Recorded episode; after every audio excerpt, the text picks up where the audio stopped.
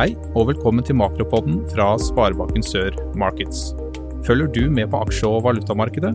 Ja, da er dette podkasten for deg. Her får du et overblikk over hva som skjer rundt i verden, hvorfor det skjer, og hvilke konsekvenser det har.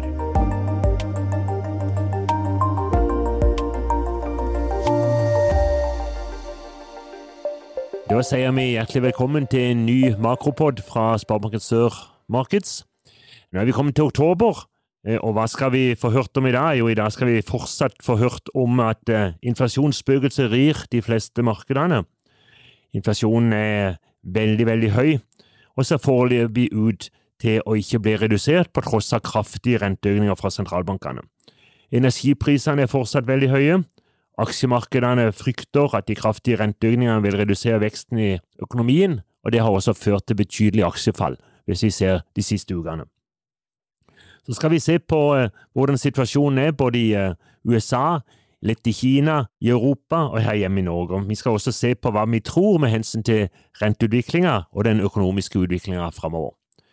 Men eh, la oss begynne med det som er det overordna i øyeblikket, nemlig tre ord inflasjon, renter, resesjonsfrykt.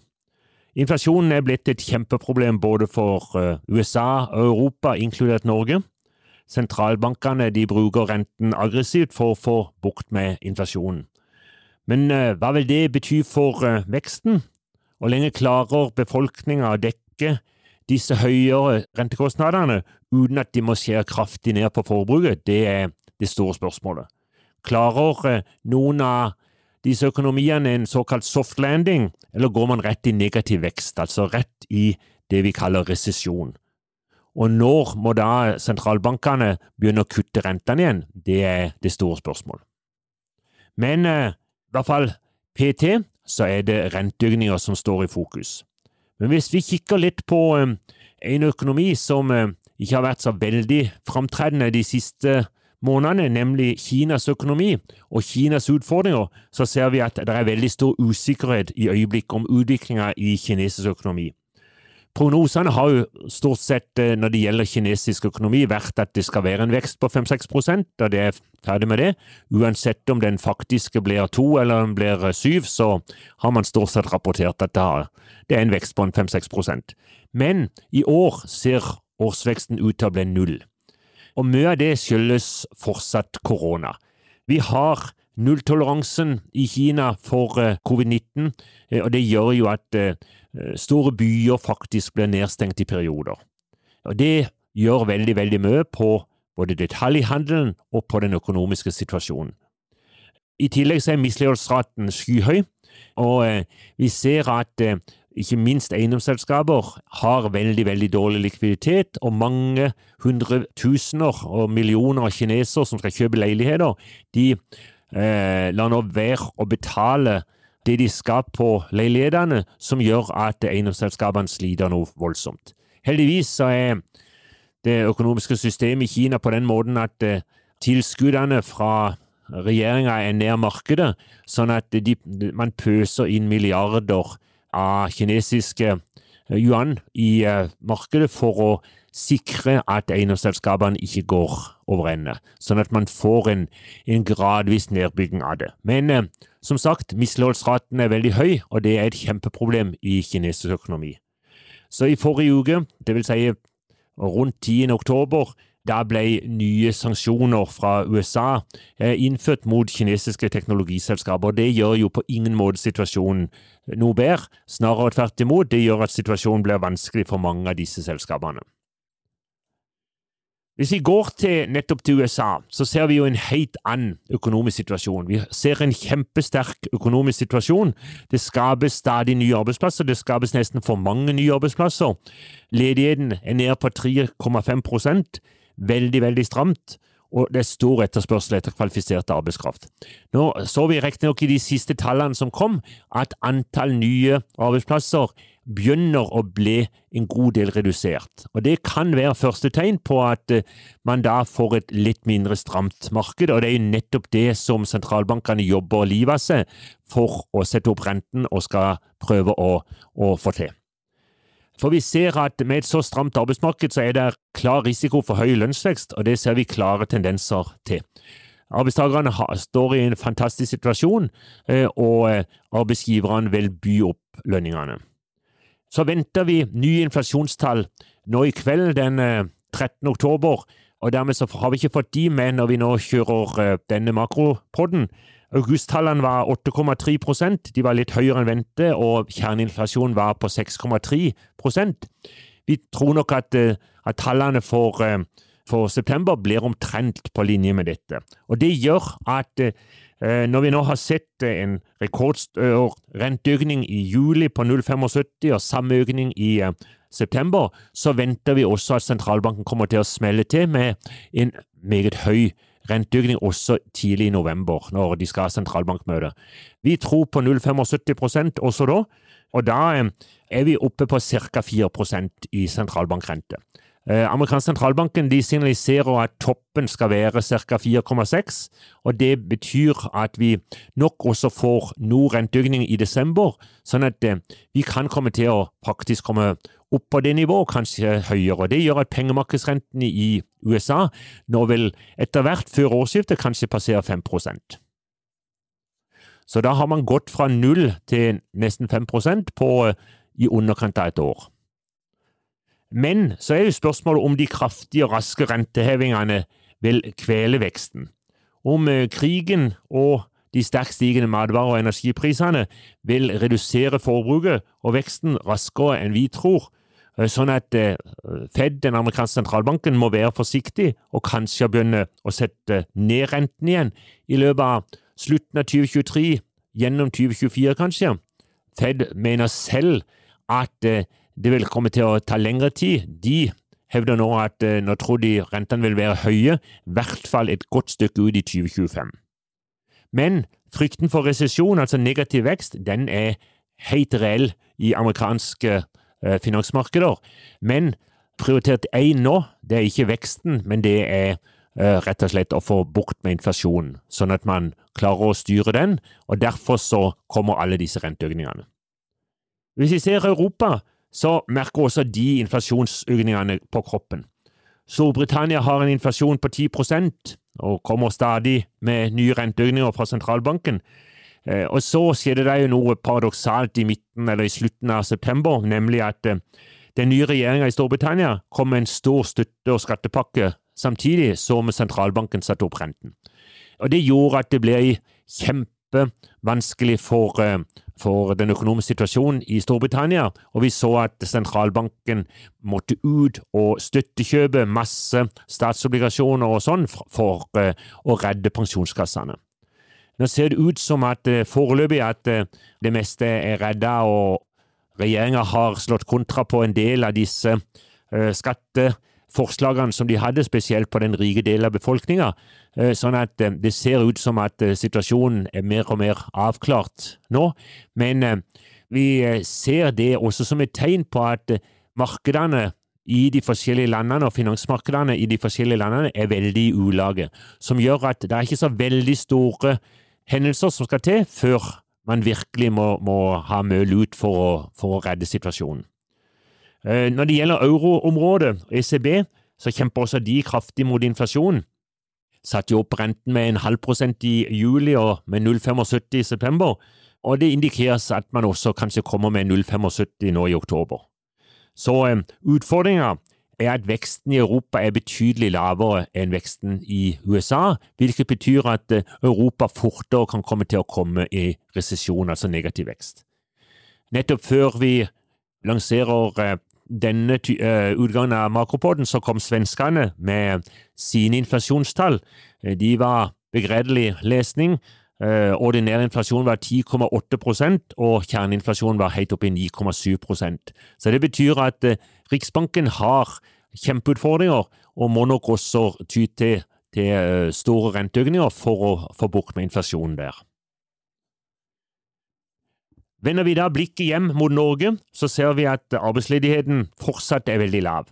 Vi snakker om at vi er nede på 1,6% altså veldig stramt. Eh, og så er det jo et eh, godt og betimelig spørsmål nå for hvordan vil strømstøtten, eller mangel på strømstøtte, overfor næringslivet, hvordan vil det slå ut gjennom vinteren? Det er et av de store spørsmålene og de veldig avgjørende spørsmålene. Blir strømstøtten såpass grei eh, at næringslivet kommer greit gjennom vinteren, eller blir strømstøtten med så mange mangler at vi får masse permitteringer og eventuelt oppsigelser ved at bedriftene innstiller driften? Det vil ha utrolig stor betydning for hvordan arbeidsmarkedet vil være gjennom vinteren. Når vi ser på eh, inflasjonen, så er jo inflasjonen også her hjemme på rekordnivåer. Vi hadde 6,9% på eh, inflasjon for september, og vi hadde en kjerneinflasjon som var på over 5, på 5,3 Altså veldig høyt. og Det gjør jo at Norges Bank da stadig må heve rentene. Fortsatt så er det jo mye av, av grunnlaget for prisstigningen er på mat, på strøm og på drivstoff, og så er det det seg at inflasjonen mer og mer eh, spiser seg fast i økonomien. Det gjør at eh, vi hadde en eh, halv prosent renteøkning i september, så nå har vi 2,25% fra sentralbanken. Og etter de siste inflasjonstallene så frykter mange at sentralbanken igjen må ty til 0,5% renteøkning, og da kommer det i november. Da vil vi kanskje være på 2,75.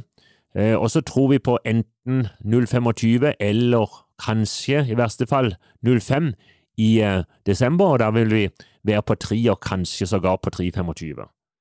Så sier Norges Bank at eh, det kanskje også vil komme til å være en, en renteøkning i eh, første kvartal 2023.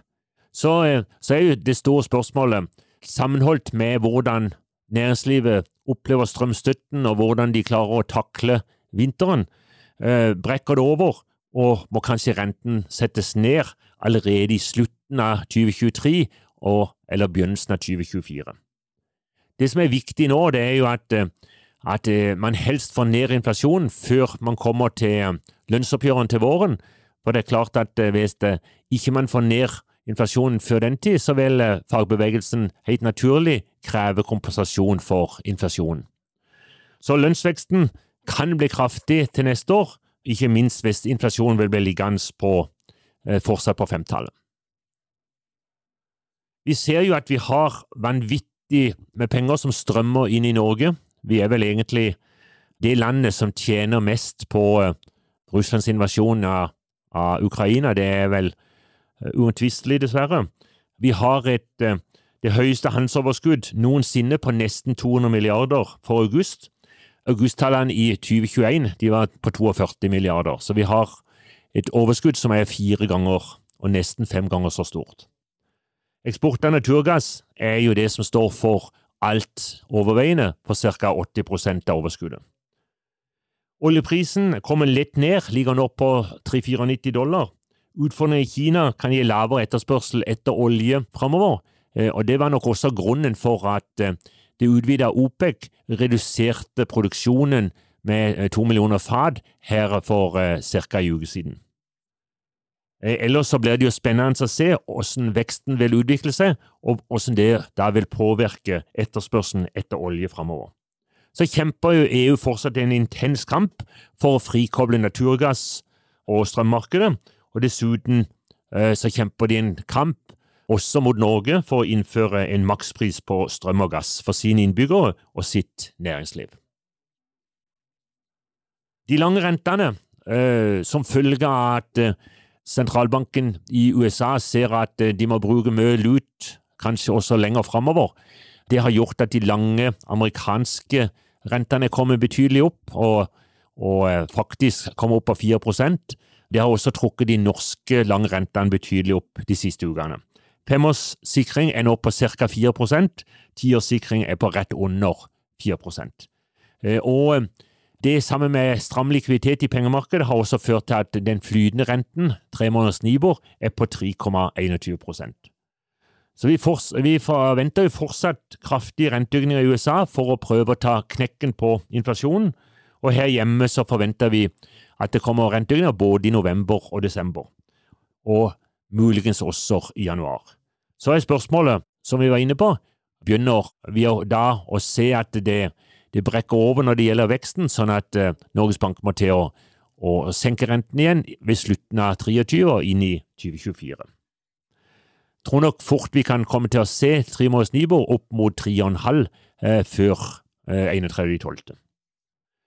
Hele vil avhenge av stramheten i arbeidsmarkedet, hvordan inflasjonen utvikler seg, og når vi kommer til våren, lønnsveksten, og hvordan dette vil slå ut i forbruket. I tillegg så ligger det et bakteppe hele tida på hva som skjer i forhold til Russlands invasjon i Ukraina. Vil veksten stoppe opp? Får vi en myk landing? Klarer sentralbankene det? De har eh, hatt lite rekord for å, å, klare det tidligere.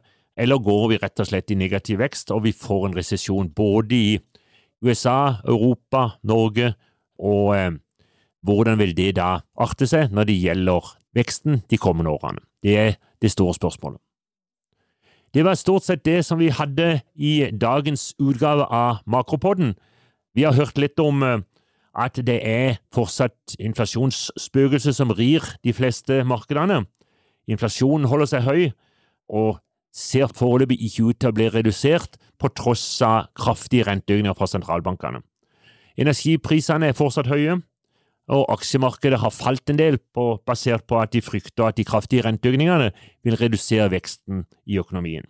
Så har vi sett på eh, hvordan situasjonen er både i USA, i Kina, i Europa og her hjemme i Norge, og så så vi på litt på hva vi tror når det gjelder renteutviklinga og den økonomiske utviklinga eh, framover på disse områdene.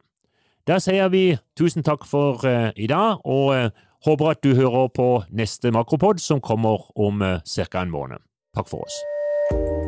Du lyttet nettopp til Makropodden fra Sparebanken Sør Markets. Hver måned vil vi gi deg innsikt i hva som skjer i verden, samt hvordan det påvirker økonomien vår. Flere episoder finner du på sol.no slash makro.